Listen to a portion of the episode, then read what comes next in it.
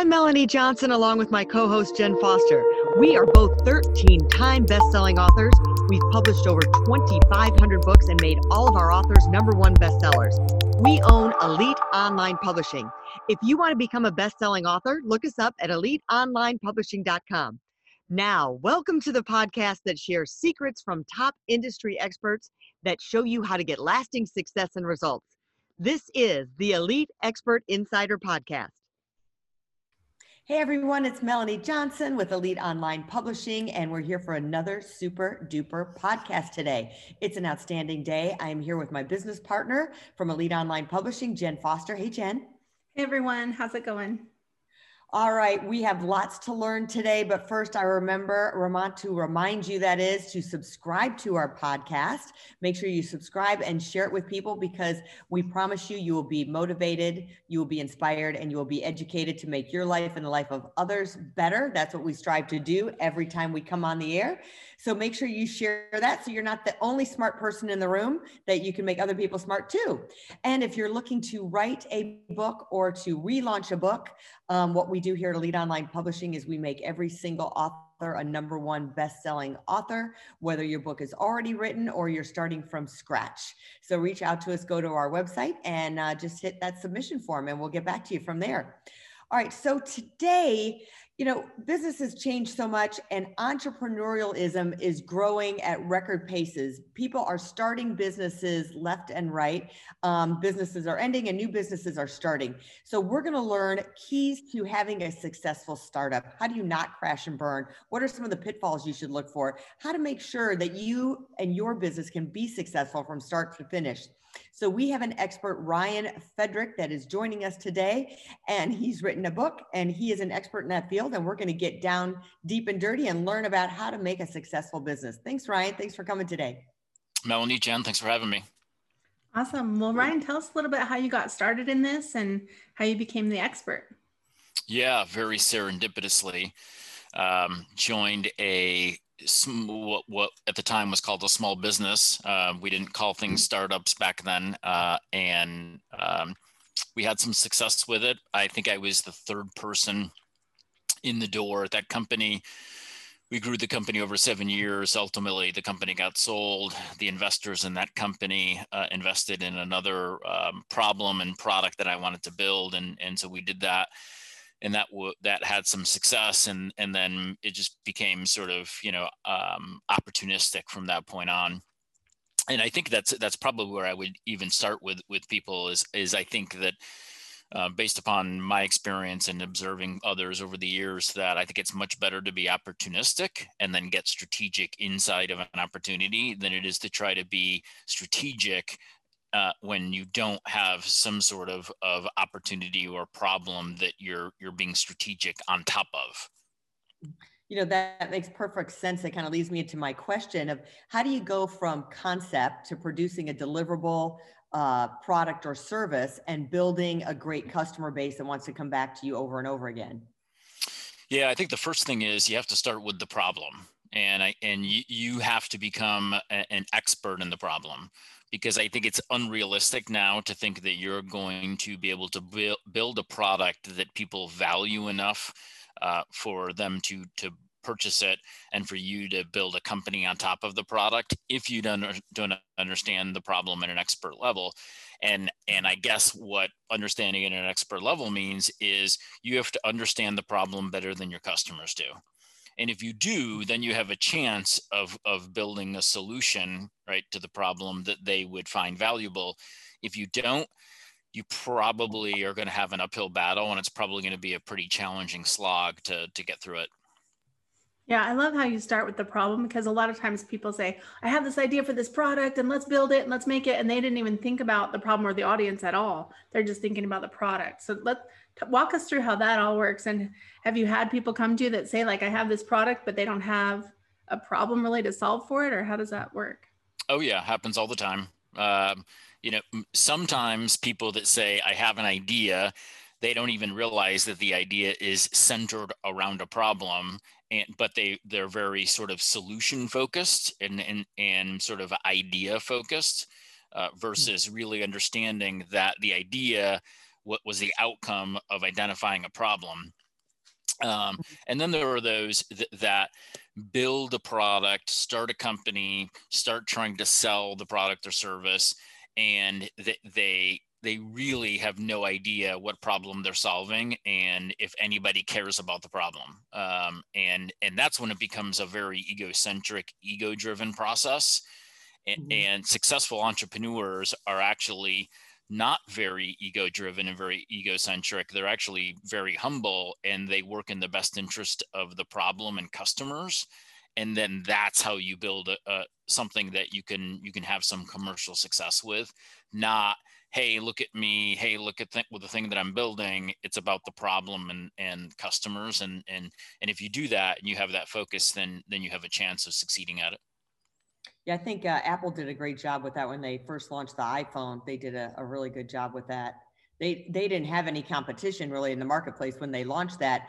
Uh, address how do you um, align your product with the competition in the marketplace and how do you do to compete with the competition yeah, I think really early, you probably you should pay no attention to the competition uh, because I think when you're really early, all you should care about and all you should focus on is the problem and customers, mm-hmm. because it really early in your product evolution if you pay too much attention to the competition then you are because we can't help it whatever we pay attention to is is what we gravitate to and and and what sort of consumes our even subconscious so if you pay too much attention to the competition early on then what happens is you end up being like the competition you end up sounding like them you end up looking like them you end up building a product that looks very similar to theirs mm-hmm. and you don't even know if they're succeeding in most cases or how they're succeeding or are they super leveraged right mm-hmm. financially or some other way so you could be paying a lot of attention to competitors who who are a house of cards versus spending all of your time focused on the problem and customers because i can guarantee people that if they spend almost 100% of their time on the problem and iterating with customers on the problem, eventually they will find something that will stick and that will succeed. And if you spend any amount of your energy on on competition um, really early, I think that it's just it's just wasted energy. I think that's really good advice. So let's talk about investors. So what if you have the, the problem figured out, the product figured out, you're starting to get your customer base when do you, when is the right timing for getting investors or is that even something you have to do yeah i don't think it's something that everybody has to do and i think we, we we've crossed a threshold over the last probably decade where now there's there's this much fanfare around a startup raising money mm-hmm. as there is around their product success and and and them landing customers and i think that that we we've we've started to get that wrong mm-hmm. because Get, raising investment it just means that you were able to convince some investors or maybe even just a single venture capital firm to invest in, in your company. Well mm-hmm. that has little to do with customers and that has little to do with the product and that has little to do with solving the problem. Sometimes it does but the things don't you know don't always link.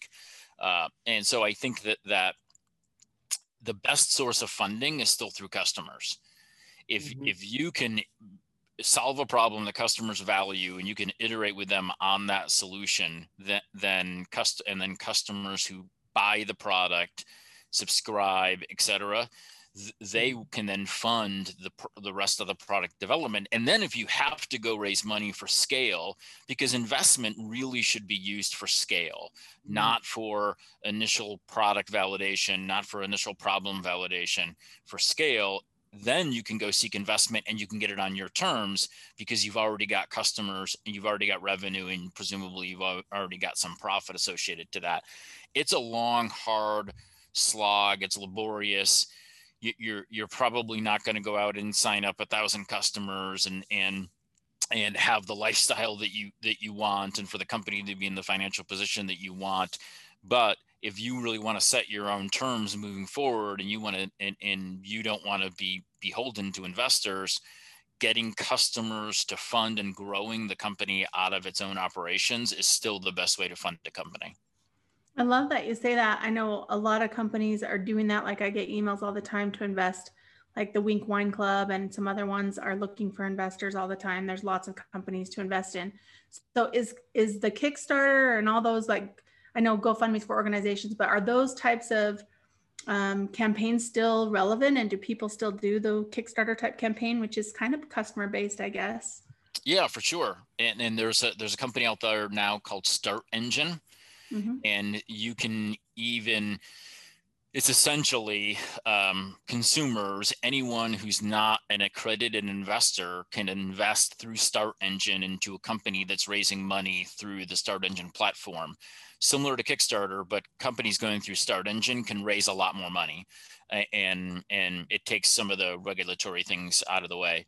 Um, and, and, yeah there's a um, a, a funny, a, a, very personal story. So I'm an outdoor adventure person. I like hiking and rock climbing and and kayaking. And there was a company on Kickstarter many years ago now called Oru Kayak, and it's spelled R U R. I'm going to get this wrong. Let me let me pause. O R U Kayak, and they were on Kickstarter. I remembered seeing them I put a little money in, I got a t-shirt or something out of it. And then like six, seven years later, I remembered them and now I have two of them because they're fold up the, the Oru part comes from origami. They're fold up kayaks. You can fold them up into into like a, a carrying case and and so yeah kickstarter is still a very valuable option. And and and the thing that i like about kickstarter and start engine and things like that eh, in platforms like that is that they keep the company very close to the problem the product and customers because those platforms often facilitate hey you're going to raise $50000 $100000 whatever it is and and you do that by offering a product that you're going to then deliver to those customers and they give you feedback on it so you can modify the product moving forward. So yeah i think the, the they're often called crowdfunding platforms. I think it's still a very valid way to, to raise money but that's not for everybody either. Um, i think it's one of the things that founders companies really need to figure out is what's the right funding mechanism for their company based upon the, the problem they're solving the product that they're bringing to market to solve the problem and then their sort of vision and, and trajectory as a company uh, because one one financial mechanism um, you know does not fit all yeah, and I think you're right. It's like they wave a big flag, like you see on the news feeds. They raised seven million. They raised fifteen million dollars. Like it's this huge success, and it's not like they they their revenue has increased by 15 million. It's just that they raised 15 million is what they're celebrating. I think i think you're right. We have that backwards. Tell us when you're developing a product how important is it to develop the story that you are going to share about the product to gain an audience? Oh massive. And i think it's one of the things that most founders well uh, uh, most might be an overstatement many founders for sure um, don't understand the importance of because there there is the there's the story of the product there's the story of the founder or founders why do they why are they doing this to begin with there's mm-hmm. the story of the company right and then the story has to have different versions for different audiences mm. there has mm. to be a, a, potential customer story a potential investor story a, uh, a story for potential team members right why would anybody be crazy mm-hmm. enough to join this startup that's probably not going to work and it's probably going to fail right mm-hmm. so there storytelling is incredibly important for startup founders and startup teams and i don't think that enough people realize it uh, and if you can get really good at telling the story, it makes sales, recruiting, and fundraising so much easier. Is there some kind of framework that you have um, that you advise for companies to to craft their story? Like when we do books for people from from scratch, we kind of have a framework that we start with. Is there anything that companies should be looking for? Any kind of formula to just to craft their story? Yeah, I think there's two pieces of advice I would give people around crafting their story. One is make sure you clearly identify, and this is just basic storytelling, but for those that don't sort of understand it, it's critical.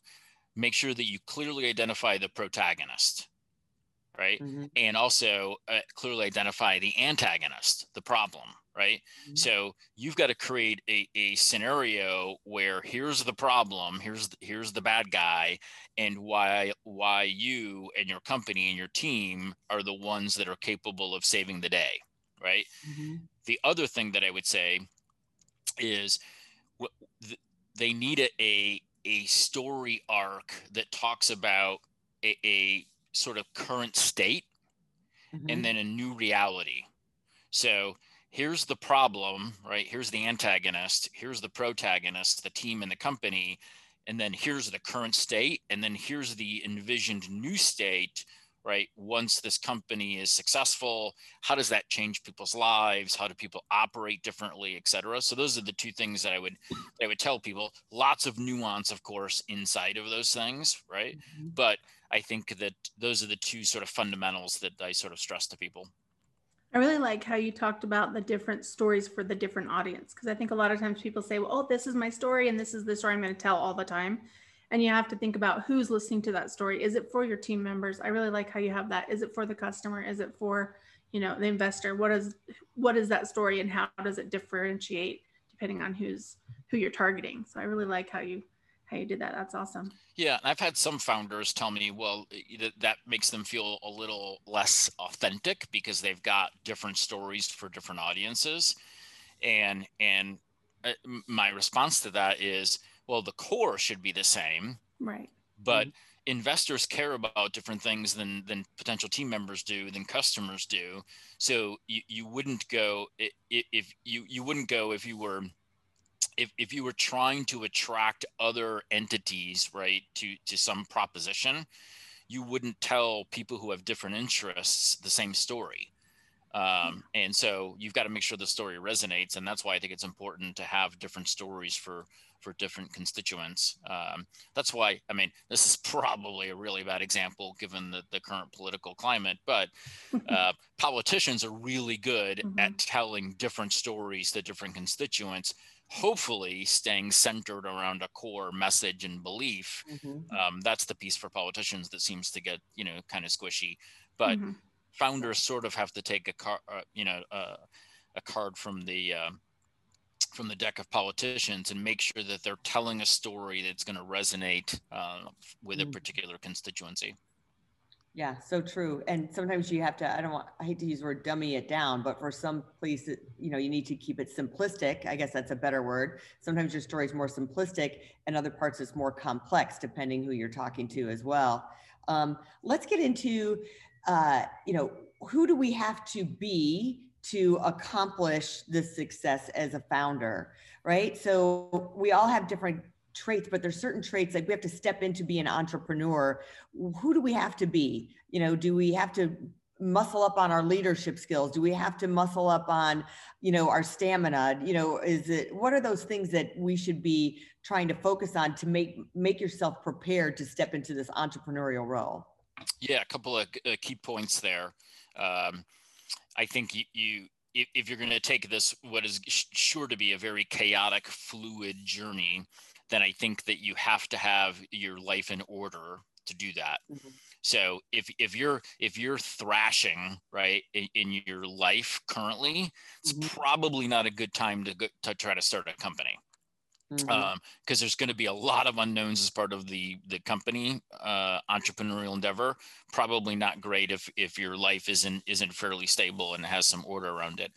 Uh, the other thing I would say is um, entrepreneur uh, being an entrepreneur fundamentally means that you're a problem solver because you have a hypothesis of trying to solve a, a problem that you're trying to um, monetize and, and build a company around and then you're just dealing with an unending series of problems trying to run and grow the company mm-hmm. and so if you're not comfortable as I call it in, in the book, if you're not comfortable running to the fire, and that means essentially dealing with problems head on, you're probably not ready to be an entrepreneur because it is an unending series of problems. And if you're not comfortable and wired to say, all right, you know, one, I'm not surprised that there's these unending series of problems and I'm going to deal with them head on, then you're probably not in a mindset, you know, where, where you should be um, starting a company.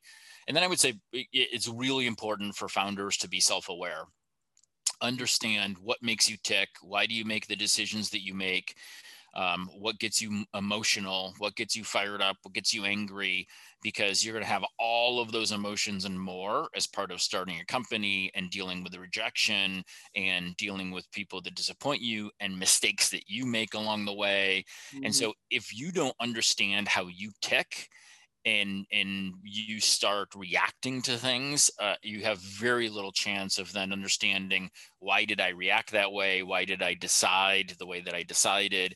So i think self-awareness for founders is also um, critical. And then you know sleep and and eating well and all the other things because you, you're gonna it's gonna consume you for some period of time. So making sure that that you're taking care of yourself uh, is also critically important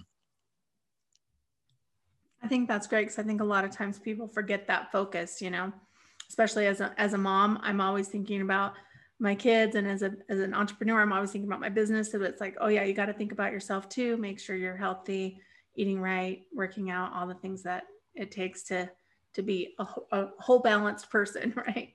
Yeah, the sun has now gone behind some clouds, so it's not as as bright as it once was. So my face is probably going to be back in in darkness and with my hat, I have to keep my hat on because my hair is all messed up, and I'm wearing a dirty hat and a dirty shirt because there's construction happening at the cabin today. I'm trying to participate in some of it. That sounds fun. Well, you gave us a lot of great information. Can't thank you enough for coming on today, Ryan. Thanks for yeah. having me. Appreciate it. Tell us where people can go to find your book and to find you and to get more information. Yeah, the book is found, thefoundersmanual.com. Uh, and then there are links to, to Amazon um, off of that. And then my personal speaking page is ryanfrederick.biz. And that's my last name is spelled F R E D E R I C K. And then my products firm site is awh.net. And uh, the team there builds uh, custom digital software products for clients. Perfect. We'll put those links up in our show notes as well as on the YouTube video for people to check out. Great. Thank you. Well, thanks for coming. And remember to subscribe to our show before you leave if you haven't subscribed already, and to share it on social media because there was a lot of great content here today. And we always provide you with great content. Um, remember, again, if you're looking to write a book and publish a book and you'd like to be a number one best selling author, we guarantee all our authors will be bestsellers, as even our very first book published was a number one best selling uh, book. So contact us at eliteonlinepublishing.com, and we will see you next time. Have an outstanding day. Bye. Hey, are you looking to increase your revenue, build credibility, and elevate your brand? This podcast is brought to you by Elite Online Publishing, an innovative publishing and full spectrum marketing company. They will publish and market your book to make it a number one bestseller. Becoming an author is the best way to market your business. So contact them at eliteonlinepublishing.com today. All of their authors become number one bestsellers.